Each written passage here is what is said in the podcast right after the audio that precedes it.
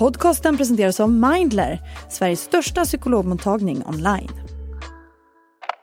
We want change. We demand change. And we are the change. Hon blev ansiktet utåt för en global proteströrelse. Och ett tag lyssnade hela världen på Greta. You all come to us young people for hope. How dare you? Men nu har något hänt. Hon säger att Greta Thunberg missbrukar klimatrörelsen och att Thunbergs uttalanden i frågan är absolut oanständiga. På en kvart får du veta varför så många i Tyskland är arga på Greta Thunberg. Och om det blir slutet för henne som klimatrörelsens stora namn. I come here for a climate demonstration, not a political view. Det är den 17 november. Det här är dagens story från Svenska Dagbladet med mig, Alexandra Karlsson.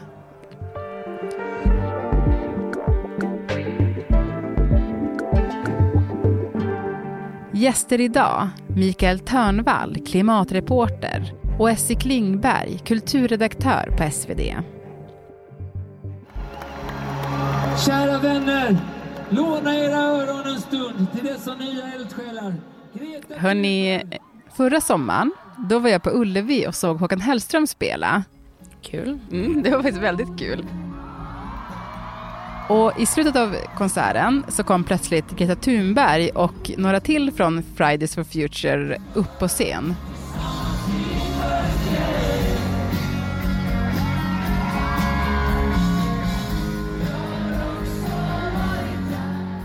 Jag tycker att det här blev ett så tydligt exempel på hur man liksom såg på Greta och Fridays for Future då som något liksom så okontroversiellt att till och med Håkan Hellström bjöd in dem på ett gig. För ett år sedan var ju hon och klimatfrågan inte är kontroversiell någonstans egentligen skulle jag säga. Nej, det var inte det. Men sen har det hänt en hel del. Eller hur? Det som har hänt är ju någonstans att Greta Thunberg och Fridays for Future har ju gått från att vara en renodlad klimatrörelse. Det, det enda budskapet egentligen var listen to the science, vi måste rädda klimatet till att bli något mycket bredare, en politisk rörelse skulle man kunna säga nästan. Eh, och det är klart, liksom, att då har det blivit någonting annat. Nu har hon ju blivit politisk, vilket hon inte var från början. Och det, det är ju en väldigt stor förändring på ganska kort tid. Ja men precis, och det har ju kommit mycket kritik mot Greta på ett sätt som vi inte riktigt har sett tidigare, i alla fall i den magnituden som det är nu, och även för eh, rörelsen då Fridays for Future. Hur ser den här kritiken ut? Alltså om, om vi tittar på det som har hänt nu i närtid så är det ju kopplat till hennes och rörelsens tydliga ställningstagande för palestinierna i konflikten med Israel. Eh, och det finns ju till och med alltså inlägg som i och för sig Greta Thunberg inte själv står bakom, men på rörelsens sociala medier eh, som har uppfattats som rent antisemitiska. I slutet av oktober publicerar Fridays for Future ett inlägg på sitt officiella Instagramkonto.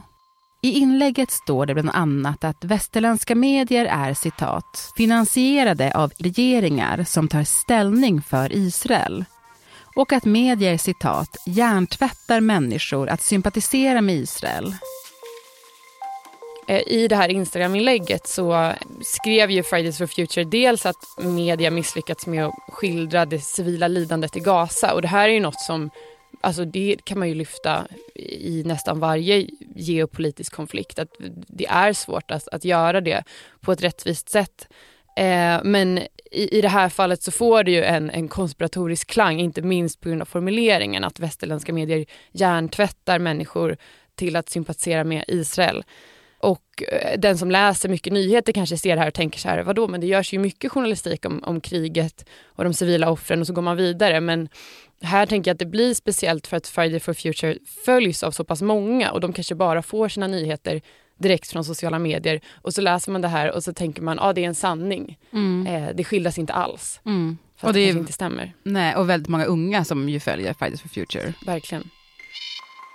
Inlägget möttes av skarp kritik från flera organisationer, däribland det judiska centralrådet i Sverige. i det här väldigt utsatta läget, att då dra igång med konspirationsteorier kan leda till ökad antisemitism men också ökad islamofobi faktiskt. Hur ser man på den här kritiken då inom Fridays for Future? Ja men det, den tyska eh, grenen av Fridays for Future har ju varit väldigt kritisk eh, till eh, både grundaren Greta Thunberg och det här inlägget då. Ehm, deras eh, ledare har eh, sagt i en intervju att eh, det här inlägget eh, skedde helt utan att förankras hos dem och utan att faktagranskas. Eh, så hon har ju varit väldigt kritisk. Tidigare har Thunberg kritiserats av den kända tyska klimataktivisten Luisa Neubauer som i en intervju nyligen sa att Fridays for Future Tyskland nu ska se över hur samarbetet ska fortsätta. Och det är klart att på grund av sin historia så är antisemitismen särskilt laddad i Tyskland och det, det ligger väldigt nära till hands att verkligen ta avstånd från det. Så det är klart att när det internationella kontot gör ett sånt här utspel då uppfattar man ju det som att det ja, men undergräver den lokala organisationens trovärdighet på något vis. Mm. Sen la ju Greta Thunberg tidigt också ut en tweet där hon eh, tog ställning för Palestina, då utan att, att nämna massakern den 7 oktober. Där fick hon ju främst stark kritik för att det i bilden syntes ett eh, litet bläckfiskosdjur. Och det är ju en symbol som kopplas till antisemitism i vissa sammanhang. Och eh, till hennes försvar så är just det här, det här bläckfiskgosedjuret är väldigt populärt just nu och bläckfisken som symbol är lite av ett meme i generation Z-sammanhang. Eh, och hon har ju gått ut och sagt att, att hon absolut inte kände till eh, vilken symbolik den hade. Eh, å andra sidan kan man ju då invända att om du inte vet det eh, så kanske du inte ska göra sådana tvärsäkra uttalanden i den här frågan. Mm. Men du var inne på det eh, när det gäller Tyskland, för att i Tyskland har ju Greta Thunberg fått väldigt mycket kritik eh, de senaste dagarna och jag tänkte att jag skulle läsa några rubriker från tyska tidningar, vad som har stått. Yrkesbeteckning från och med nu, Israelhatare. Galjonsfigur som blivit oacceptabel, naiv eller antisemitisk och persona non Greta. Ja, det är en göteborgare där, klassisk, som sitter på en tysk tidning och skriver en, en, så skriver en rubrik. Men det här visar ju på att det finns väldigt, väldigt starka reaktioner i Tyskland. Men varför blir det så starkt just där? Ja, men precis som Esse säger, alltså är det i något land du inte vill framstå som antisemitisk så är det i Tyskland. Men sen ska man komma ihåg också att epicentrum för den här kritiken finns ju naturligtvis i Tyskland, men den är ju större. Och där någonstans skapas ju problemet därför att samtidigt som Greta Thunberg och eh, Fridays for Futures entusiasmerar en grupp som verkligen tror på hela det här paketet av åsikter så alienerar man ju en annan stor grupp som kanske sympatiserar mer med Israel i det här fallet och som inte alls håller med om hur de hanterar den här frågan och som av den anledningen då inte längre kommer stödja Fridays for Futures.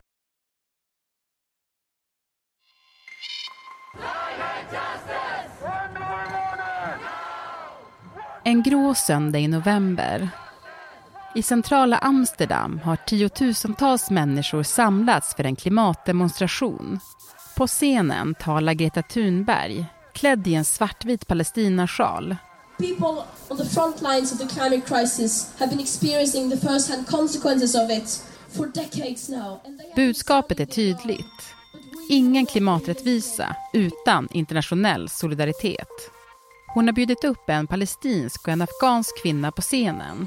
In Palestine, it's meant to be the annual olive harvesting season now. Efter att kvinnorna talat kommer en man i grön jacka upp på scenen och sliter mikrofonen ur Gretas hand. I come here for a climate demonstration, not a political tour. Jag kom hit för en klimatmanifestation, inte för att höra en politisk åsikt, säger han innan han motas bort av arrangörerna.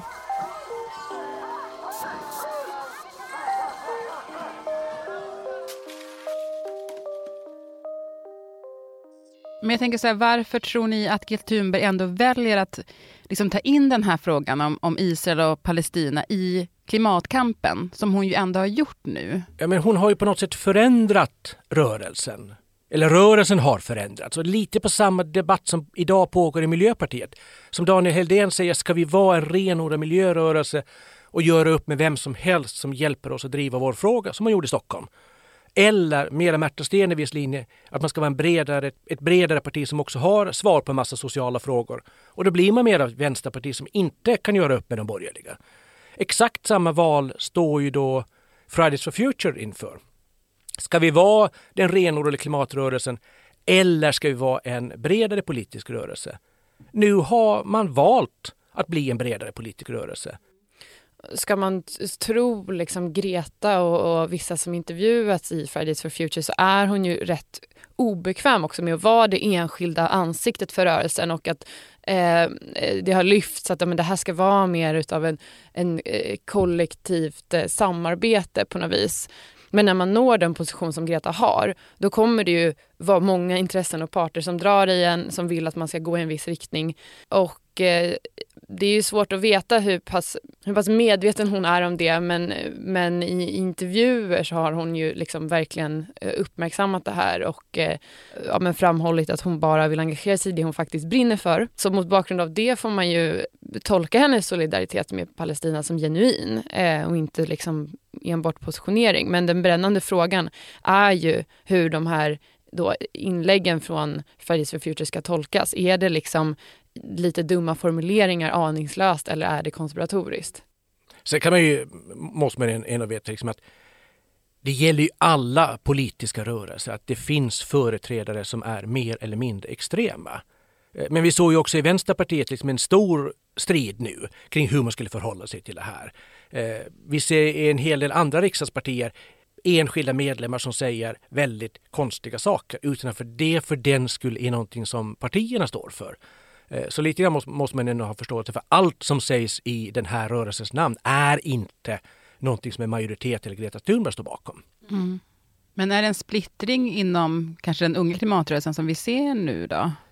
Det är en splittring inom Fridays for Future, men inte inom klimatrörelsen, för den har alltid varit väldigt bred och väldigt brokig. Mm. Och det är klart liksom att eh, om en grupp som driver klimatfrågan också bestämmer sig för att driva en annan politisk fråga så kommer de att tappa stöd från borgerliga som kanske tycker någonting annat. Men det betyder inte att klimatrörelsen har splittrats eller försvagats. Bara att eh, Fridays for Future och Greta Thunberg har skaffat sig en annan och smalare position i den rörelsen. Eh, och sen kan man ju också konstatera att den här förändringen sker ju liksom under några år liksom där företrädarna har gått från att vara barn till unga vuxna. Och det är liksom en jätteviktig förändring. För Greta Thunberg blev världskändis när hon var ett barn som strejkade för klimatet. Eh, och hon talade för FN med ett enda budskap, nästan desperat att ni måste lyssna på vetenskapen, ni måste rädda min framtid. For more than 30 years the science has been crystal clear. How dare you continue to look away and come here saying that you're doing enough when the politics and solutions needed are still nowhere in sight. Eh, och det är klart, hennes kraft var ju det. Det är väldigt svårt att säga emot ett barn som med väldigt tunga vetenskapliga argument säger min framtid är hotad. Sen har hon ju förlorat hennes kanske viktigaste superkraft just då, nämligen att, att hon var ett barn. Det är man inte för evigt. Nu är hon en ung vuxen. Hon måste hitta ett annat sätt att föra ut sitt budskap. Eh, så det är liksom kanske den viktigaste förändringen med Greta Thunberg. Hon är inte längre ett barn. Mm. Och det där är något jag också tänkt väldigt mycket på. Just att, att Greta Thunberg fick ju inte genomslag så mycket trots att hon var barn som för att hon var ett barn. Och att det var dels den här starka symbolen, med den gula regnjackan för liksom total uppgivenhet och desperation som klimatkrisen väcker. Men det gjorde ju också att hon blev en symbol som lite kunde ändå utnyttjas av politiker för att signalera att vi bjuder in Greta Thunberg, vi lyssnar på den unga generationen och eh, sen kanske inte behöva göra det. Och det är klart att när man, när man ser de här ut, utspelen och eh, kanske framförallt kritiken, då tänker man ju direkt så här, okej okay, men det här kanske kommer innebära att Greta inte får det här tillträdet till maktens korridor. Hon kanske blir för liksom, polemisk för att tala i Davos. Fråga där om hon överhuvudtaget vill göra det. Jag kan i alla fall tänka mig att hon blivit lite desillusionerad av att, att, att hålla de här talen och eh, att det kanske bidragit till att hon rört sig mer i den här riktningen av civil olydnad och så. Mm. För det var min sista fråga. Alltså hon blev ju en person för bara några år sedan som alla ville synas med. Alltså hon var hos Macron, hon var på Time Magazine, Person of the year, hon var hos alla stora ledare i Europa. Alla ville vara på bild med henne. Hon höll tal i FN. Um, ehm, om ni skulle liksom säga om hennes framtid, kommer hon fortsätta liksom ha ett stort inflytande? Eller blir hon cancelled nu? Ja, men hon kommer ju absolut inte ha det inflytande hon hade tidigare. För det första är hon inte längre ett barn, det kan hon inte göra så mycket åt. Och för det andra har hon liksom valt en mycket smalare väg för sitt budskap. Alltså, anledningen till att alla ville synas med Greta Thunberg var att ingen kunde säga emot henne. Nästan ingen kunde säga liksom, att vi bryr oss inte om klimatet och klimatet är inte viktigt, för det tycker de flesta. Men nu har, hon, nu har hon valt en annan väg. Hon kommer inte ha inflytande på samma sätt längre. Därmed inte sagt att hon inte kommer att synas och ha inflytande, men liksom tiden när hon fick stå på precis alla scener, den är nog över. Ja, men jag, jag håller med. Jag, jag tror inte heller att hon kommer bli cancelled. Eh, men jag tror verkligen att hon står inför ett slags vägval kring vilken sorts aktivist hon vill vara. Och innan kriget och de här diskussionerna då, då hade jag intrycket att hon skulle fokusera på att röra sig mot en mer radikal klimataktivism. Hon har ju visat att hon inte är rädd för att bli arresterad. Och jag menar skolstrejk är ju en i grunden passiv handling jämfört med de aktioner som hon nu deltagit i. Och sen så tror jag också, apropå hennes faktiska inflytande, att när man pratat om Greta-effekten, då handlar ju det inte om, nödvändigtvis om realpolitik men om en medvetandehöjning, att hon har visat att en enskild person verkligen kan forma kollektiva eh, uppfattningar i en sån här fråga och i, i, ja, men i förlängningen liksom motivera folk att handla. Och, och det kan ju ingen ta ifrån henne att hon ändå gjort. Mm. Hörni, tack så jättemycket. Tack. Tack, tack.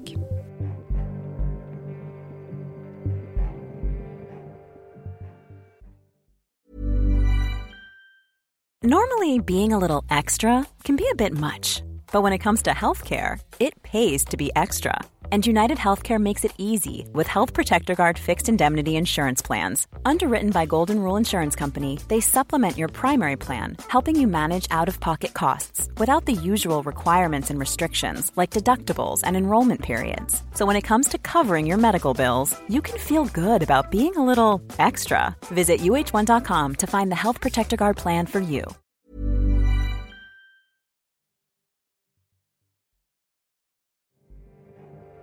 Producent idag var Moa Larsson, redaktör Maxim Persdotter Wallström och klippen i programmet kom från SVT, Sveriges Radio, Reuters och Deutsche Welle.